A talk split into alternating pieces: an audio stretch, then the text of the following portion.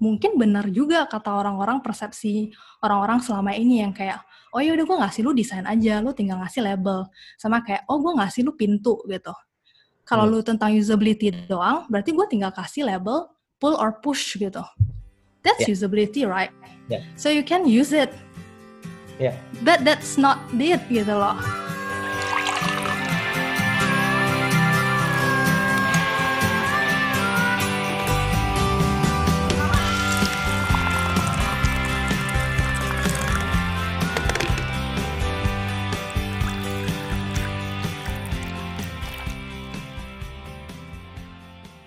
Hai Nat, uh, apa kabar nih? Hai, baik. Gimana Win? Uh, baik-baik juga. Thank you so much ini udah datang ke warung kopi secara virtual ya. Ada gua, Nat, dan Dirk di sini. Episode ini tuh kita bakal ngobrol bareng Nat tentang UX writing itu apa. Gitu. Contohnya uh, banyak yang punya persepsi yang beda-beda tentang UX writing itu apa ada yang bilang uh, eh, UX writer ya orang yang nulis di balik aplikasi atau website apa pun lah yang ada layarnya gitu kan.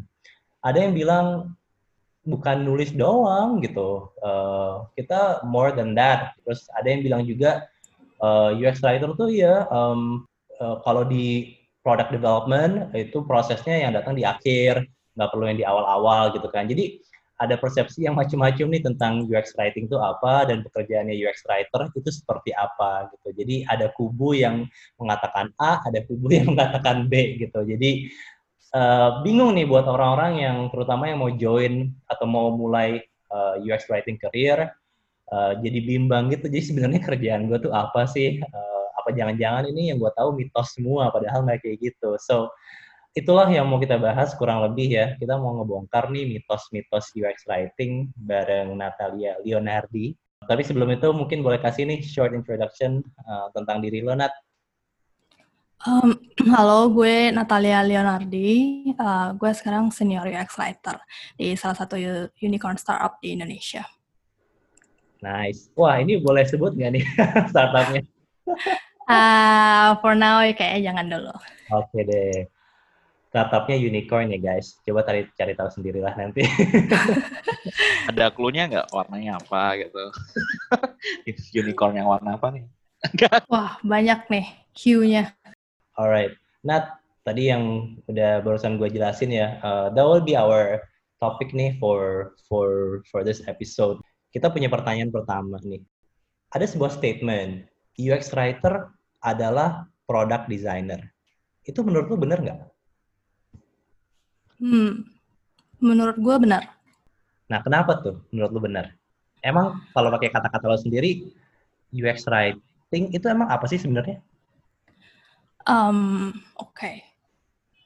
Kalau menurut gue, UX writing itu um, seseorang yang ngedesain experience. So, uh, the tools or mediums is varied gitu. Ada product designers yang emang ngedesainnya lewat visual ada yang le lewat um, kayak interaksi. Nah, kebetulan UX writer through word. Jadi kalau ditanya apakah uh, UX writer product designer, menurut gue iya. Karena sama-sama ngedesain experience gitu ya. Yep, yep. Kenapa sih sampai sekarang kok masih ada aja orang yang nggak setuju sama statement tersebut? UX writer adalah writer, bukan product designer. Gue rasa itu tergantung masing-masing perspektif tiap orang sih. Dia ngelihat kerjaannya itu seperti apa. Um, kalau dibilang, ya UX writer itu adalah uh, kerjaannya emang uh, writing something. Uh, itu nggak salah, itu benar gitu. Memang kita uh, nge apa ngenulis sesuatu gitu di app gitu.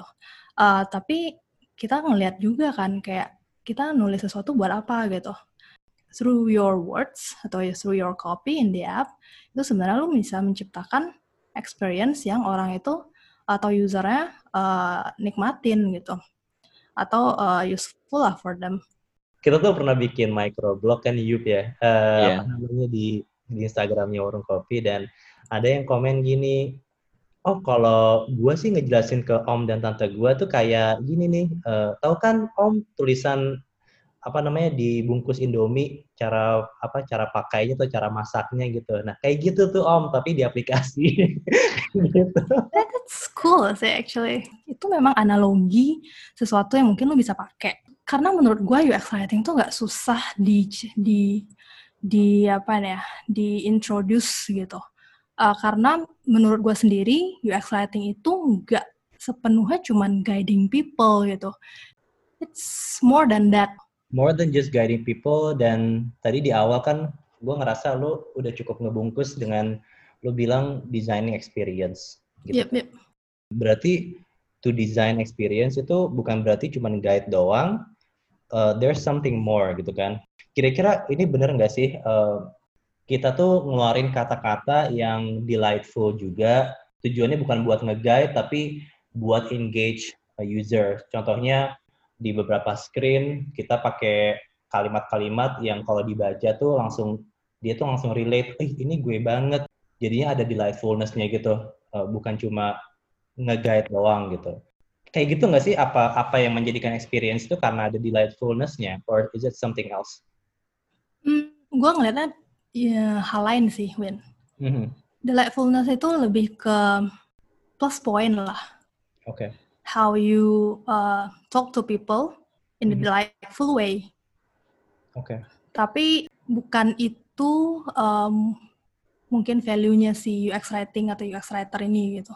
Kalau gue ngelihat yang maksud gue design experience itu adalah ketika lo bisa selain guiding people, uh, we can shift user perception, we can convince, and we can convert them.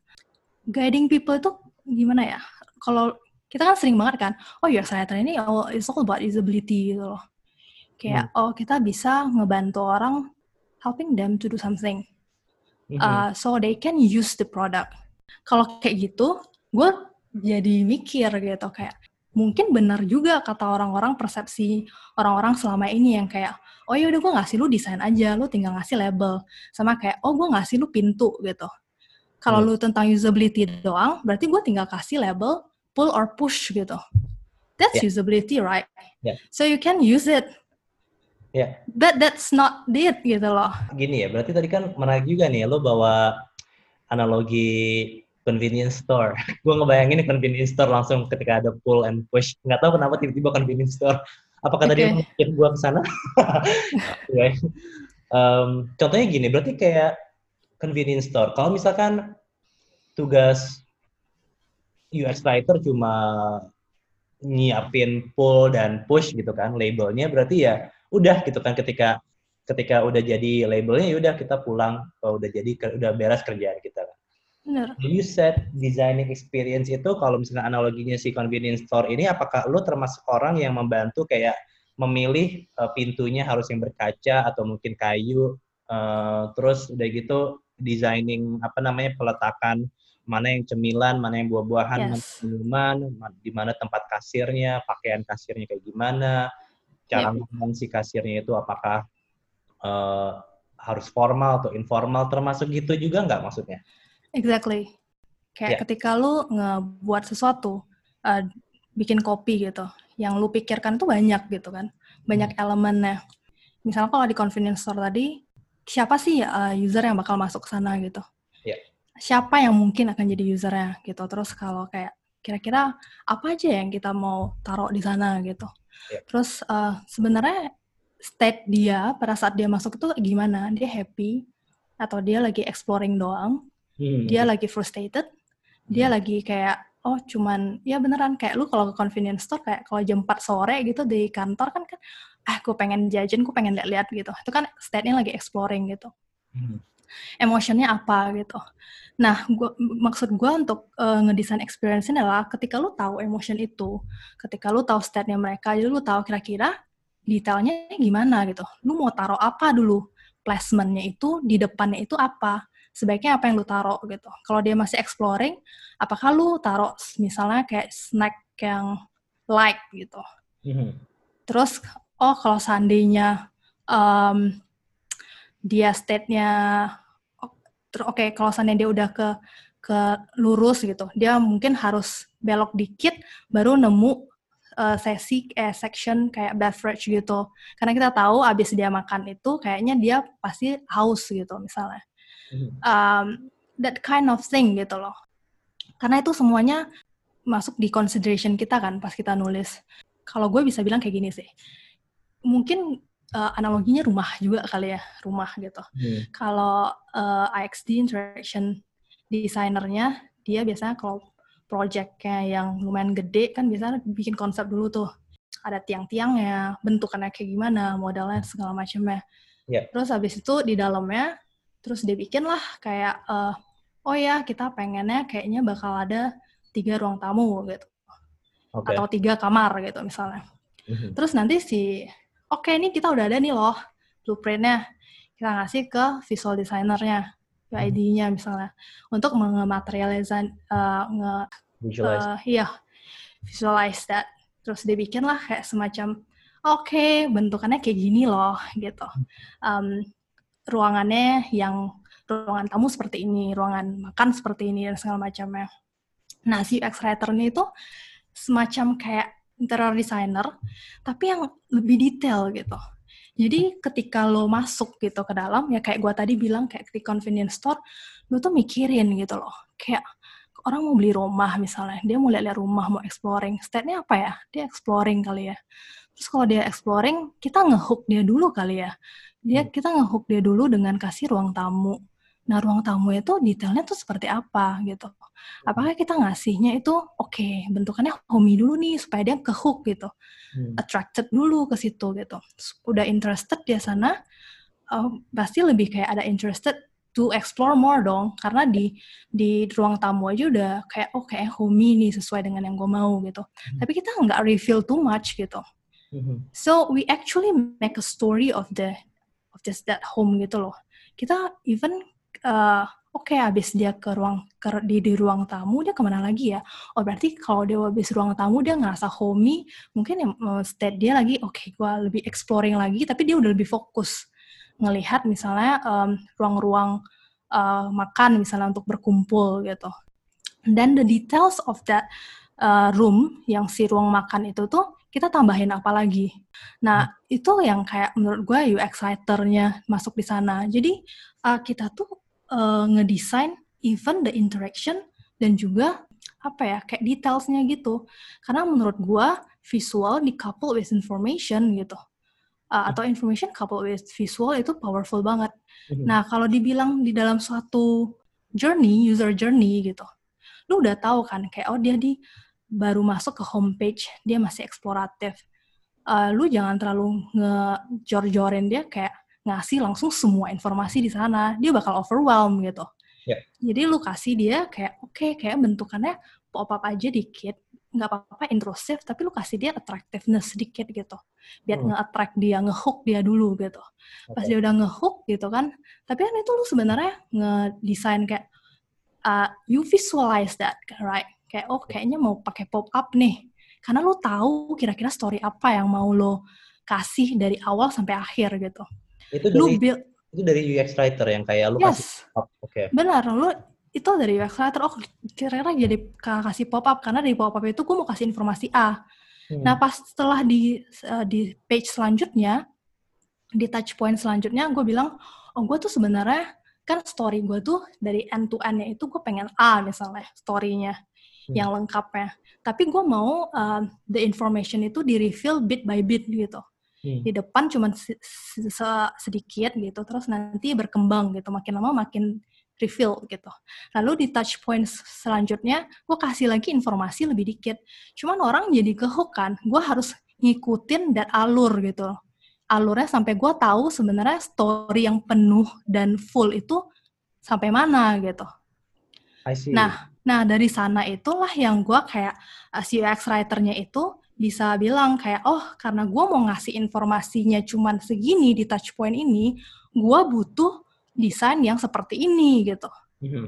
dan lu jadi nge-define the touch point dan the design itself dan the interaction itself then if you do that the information coupled with the visual and the interaction will be powerful Oke, okay, I think we're blown away dengan description lo barusan.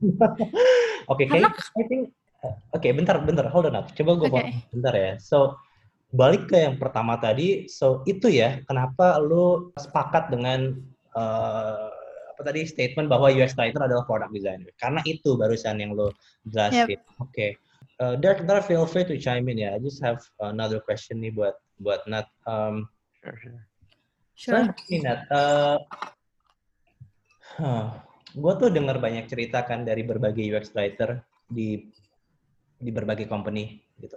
Dan ada yang bilang tuh mereka di involve-nya cuma di akhir karena writernya cuma mereka gitu. Eh cuma cuma si orang ini satu doang gitu. Ada yang ada yang di involve-nya tuh di awal banget gitu kan. Dari sprint tuh udah ikutan karena udah terbentuk nih timnya gitu kan. Nat. Yang lu bilang barusan tuh menurut gua kalau udah mature lah, uh, jadi kita semua sebagai UX writer udah tahu kalau mesti yang kayak gitu, that would be ideal gitu kan. Hmm. Um, tapi I'm afraid to say that realitinya nggak kayak gitu sih. Di terutama di company yang uh, rasionya tuh unequal designers dan writernya. Gitu. Jadi mereka nggak punya waktu buat ngelakuin itu. But how do you respond to that ya? Kayak gue pengen jadi UX writer nih, gue barusan denger Sinat barusan bilang kalau wah kontribusinya itu sedalam itu. Terus yaudah deh, gue coba apply jadi UX writer buat company A. Ternyata mereka belum punya writer sama sekali gitu. Hmm. Ya udah, gue langsung apa namanya dihajar dari stakeholder A, B, C, D sampai Z gitu kan. Yang ujung-ujungnya gue nggak akan bisa di-involve dari awal dan ujung-ujungnya gue akan nulis doang di kantor. If you were in that position, what would you do? I were I was in that position sih.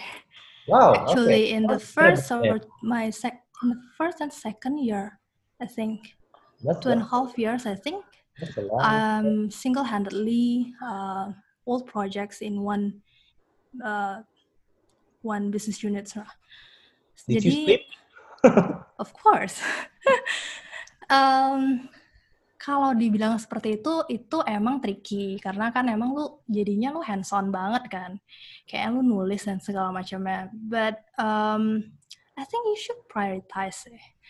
which one you, karena menurut gue um, segala sesuatunya itu kan lu belajar UX writing itu tuh uh, mostly itu dari experience ya. Jadi lu bisa ngelihat yang mana lu bener-bener kalau lu mau pengen involve dari awal, ya lu speak up gitu loh. You try to make it happen gitu loh, yang mana gitu. Lu lihatlah projectnya kira-kira project apa yang kayaknya bakal nge-bikin lu bener-bener belajar lah gitu. Right. Nah, okay. Ya, karena lu nggak perlu masuk semua gitu. Kalau seandainya memang lu writer satu-satunya di sana, waktu lu tuh beneran cuman dari satu project pindah ke project lain, like, kayak lu tuh um, exchange kontaksnya itu bisa dalam satu hari mungkin bisa 6-7 project. Ya. Iya kan, kayak gitu gitu. Tuh, tapi ya lu pasti bisa sih menurut gue kayak oke kira-kira gue interest banget nih di di project yang ini mungkin gue bisa luangkan waktu di sini terus um, untuk yang lainnya gue bisa ngeliat dari misalnya uh, MOM misalnya atau Oh. langsung ngomong ke PM-nya gitu uh, biar Berarti nggak di-involve dari awal dong ya, kalau ada MOM-nya. Eh, Gitu. iya, iya. Lu pilih-pilih lah menurut gua. Pilih-pilih yang mana lu beneran mau in- involve dari awal. Karena ah, itu kan sesuatu yang lu nggak bisa kontrol ya. Ya.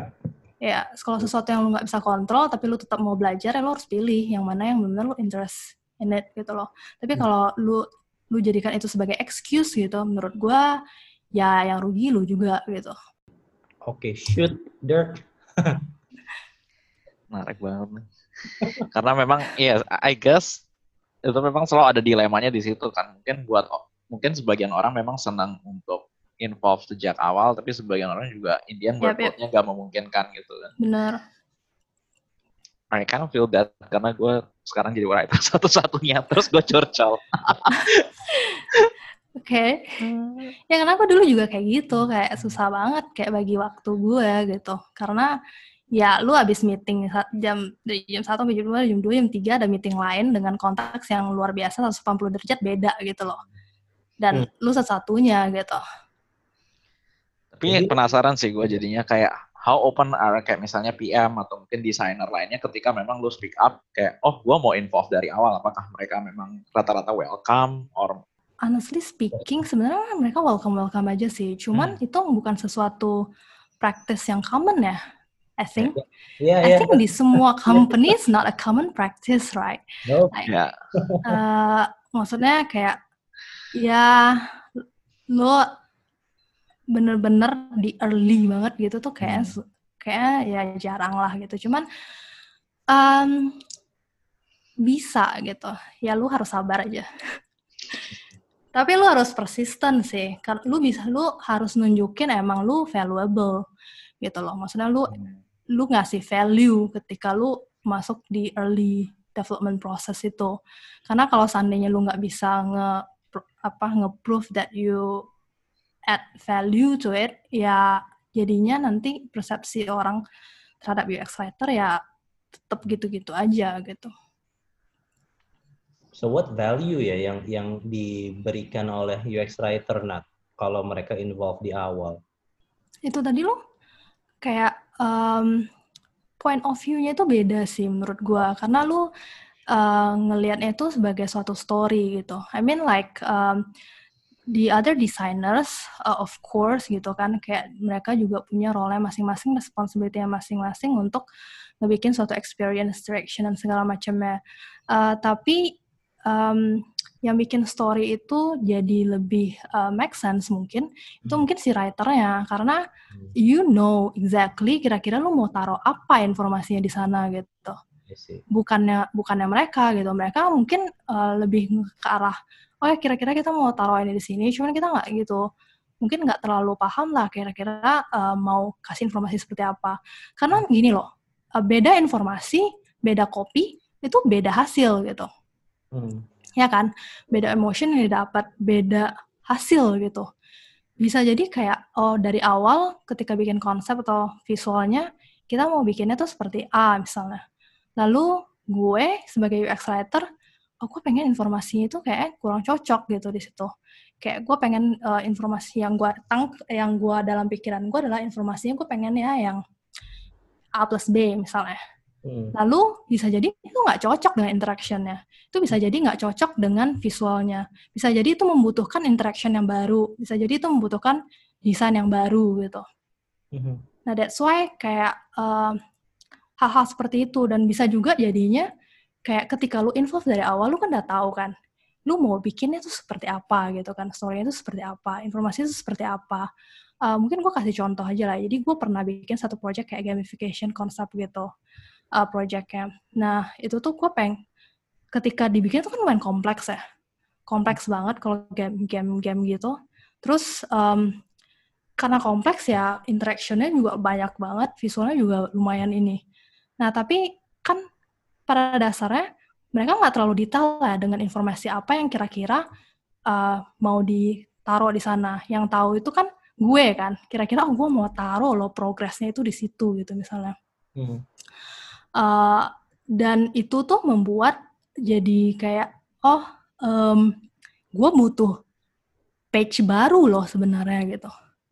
Gue butuh ada tambahan section baru loh ternyata gitu.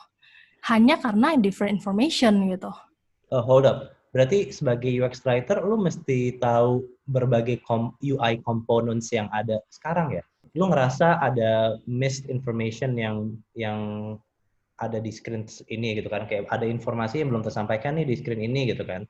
Tapi hmm. kalau lu nggak tahu uh, ada komponen UI apa aja nih yang bisa kita pakai buat menyampaikan informasi itu, that would be hard, right? Atau atau gimana, Nat? Perlu nggak sih kita tahu komponen-komponen UI?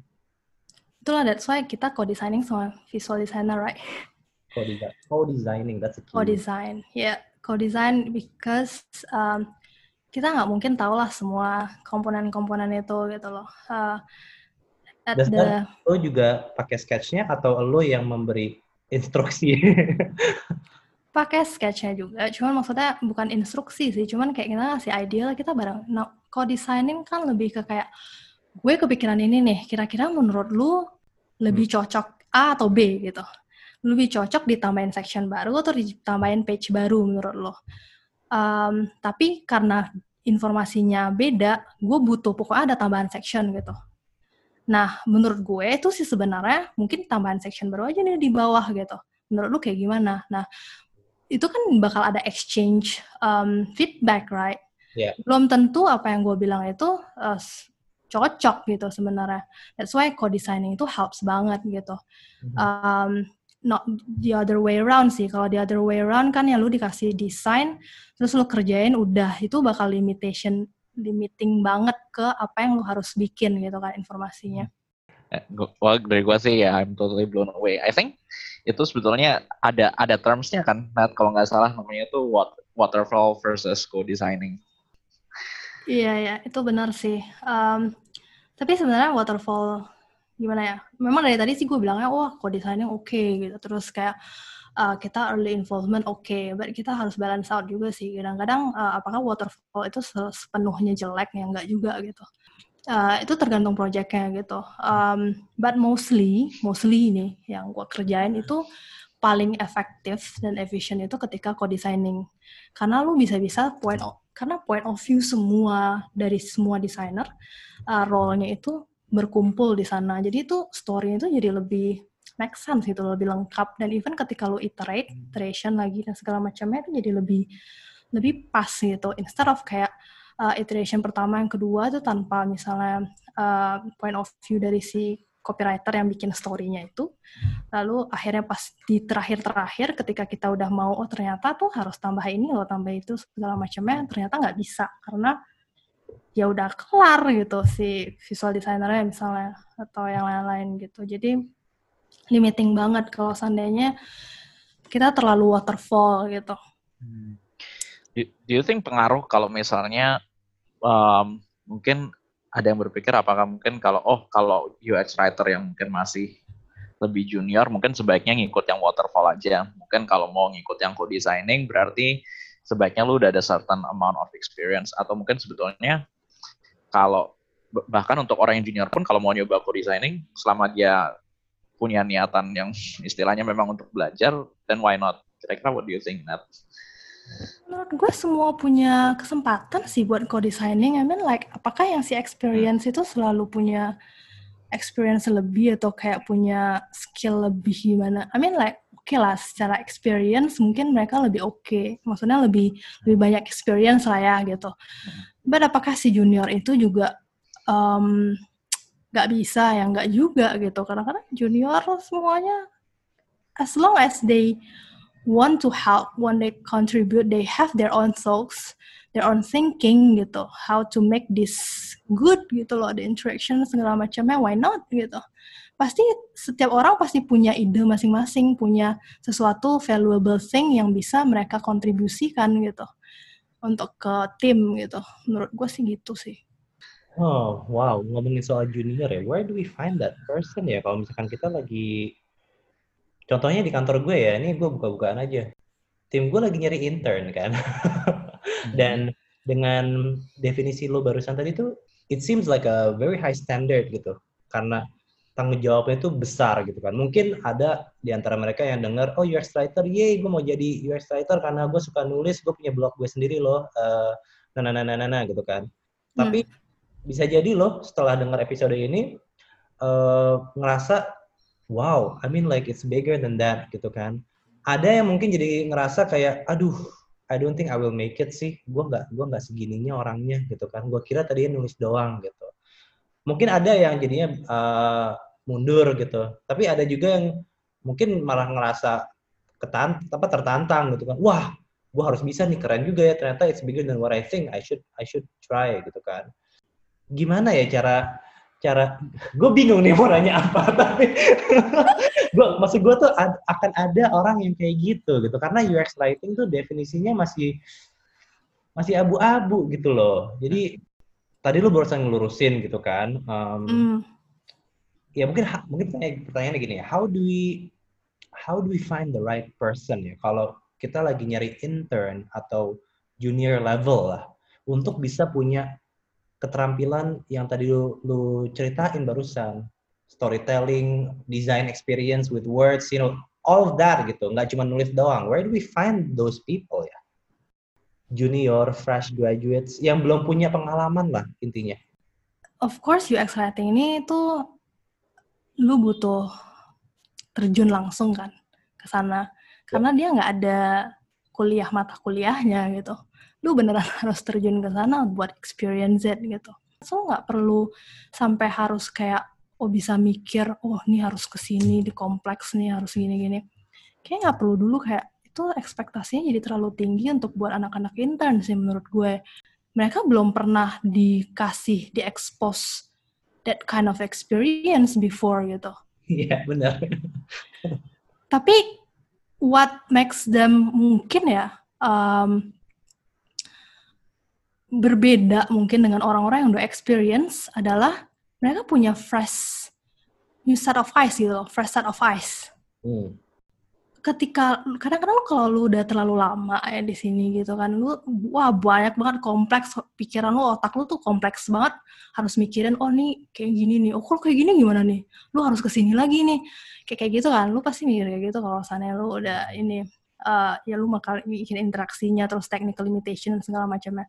Tapi anak-anak yang baru itu dia bener-bener fresh gitu loh mainnya mereka nggak terlalu kompleks. Bisa jadi mereka tuh sama kayak uh, maksudnya user-user kebanyakan gitu loh. Jadi mereka ngasih value itu gitu. Kayak sebenarnya gue nggak kepikiran gue nggak mikir kayak gitu loh actually. Mungkin lu aja yang mikirnya terlalu kompleks gitu. Ya mungkin detail dan segala macam tuh perlu di nurture juga kali ya. It's not benar, something benar. dari awal orang punya.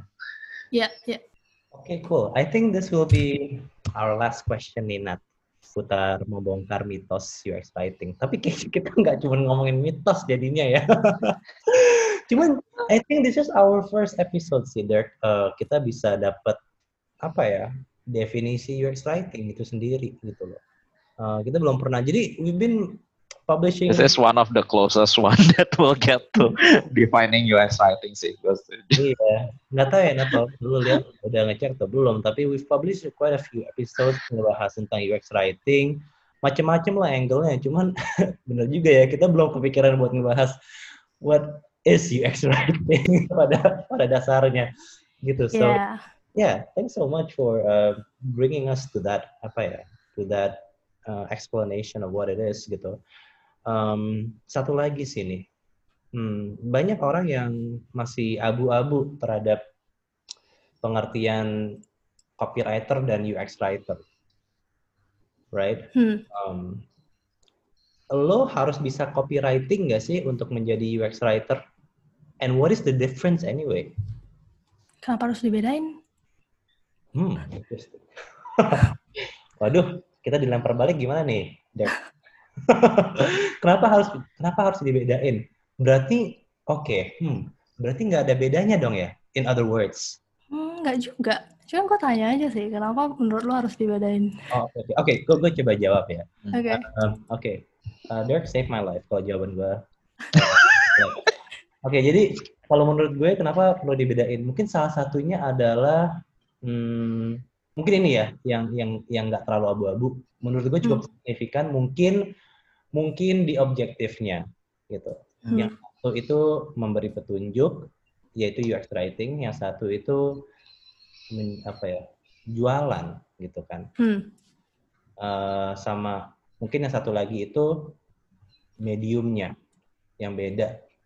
Um, iya, kayak gue bilang tadi kan dari awal UX writing is not about just guiding people, right? Uh, when ada salah satu yang kita tuh bisa nge-convince people, kita sh bisa shift their perception, kita bisa convert them. When we talk convert, it's more like copywriting, right? So copywriting is actually writing something. Hmm. Maybe you can sell it, or maybe you just convince them gitu. Uh, it's not necessarily about selling something menurut gue. Hmm. Nah, di dalam produk sendiri, kalau seandainya nggak di booking journey, misalnya atau di user journey, um, who, who's gonna write that convincing uh, copy ya gitu kalau nggak UX writing. Kalau seandainya di langsung di kayak hitam putih gitu kayak oh dia uh, copywriting itu lebih ke marketing banget yang kayak oh di banner di baliho baliho gitu dan segala macamnya uh, dari sisi mediumnya gitu lah ya maksudnya oh dia di baliho dan segala macamnya mungkin bisa kayak gitu cuman kalau dari sisi technicalnya sendiri like um, kopinya gitu. Mungkin stylenya aja yang beda gitu. Tapi tujuannya mungkin sama gitu. Nge-convert orang, nge-convince orang gitu. Nge-attract orang gitu. Paling yang gue mau bilang lebih ke jangan terlalu difokusin sih UX writing ini hanya untuk di oh, hanya untuk nge-guide people gitu misalnya. Mungkin buat listeners yang pengen Eh, karena karena mungkin mereka bakal bakal bertanya-tanya ya. Mereka bisa nanya lu lewat mana ya, Anak? Um, LinkedIn. Oke. Okay. Right, so they will know where you work then, right? Oh yeah, right. But actually ya kalau dia type nama gue udah langsung kelihatan juga sih. Oke, okay, cool. So it's a public secret kalau gitu. Um, yeah, so that was our last question sih, I think ya. Yeah for for this episode. Uh, thanks so much ya Nat, udah ngelurusin banyak hal di tentang tentang UX writing. Um, I couldn't agree more sih dari apa yang lo bilang barusan. Karena uh, apalagi yang terakhir ya jangan terlalu disempitin, jangan terlalu dibikin narrow. Karena um, apa namanya itu semua bagus buat kita dan itu semua juga bakal memperbanyak kontribusi kita terhadap company uh, daripada daripada cuman uh, tulisan doang. Dan paling penting juga bisa naikin apa sih uh, pay grade juga sih itu penting kan. Uh, I think I think UX writers um, di luar Indo ya terutama I mean internationally uh, speaking gitu. Kayaknya rata-rata pada coba lagi naikin pay grade-nya juga sih di company-nya masing-masing dengan dengan cara ngebuktiin kalau uh, apa namanya this role is very important gitu kan dan kontribusi kita tuh penting gitu and we need to be paid more gitu gitulah. Sip um, thank you for sharing all the insights ya. Makasih juga nih udah mampir ke ke warung kopi um, all the best buat um, your career di unicorn startup. Thank you so much for inviting me loh thank you Nat. Thank you you uh, bye Nat. Bye-bye. Bye.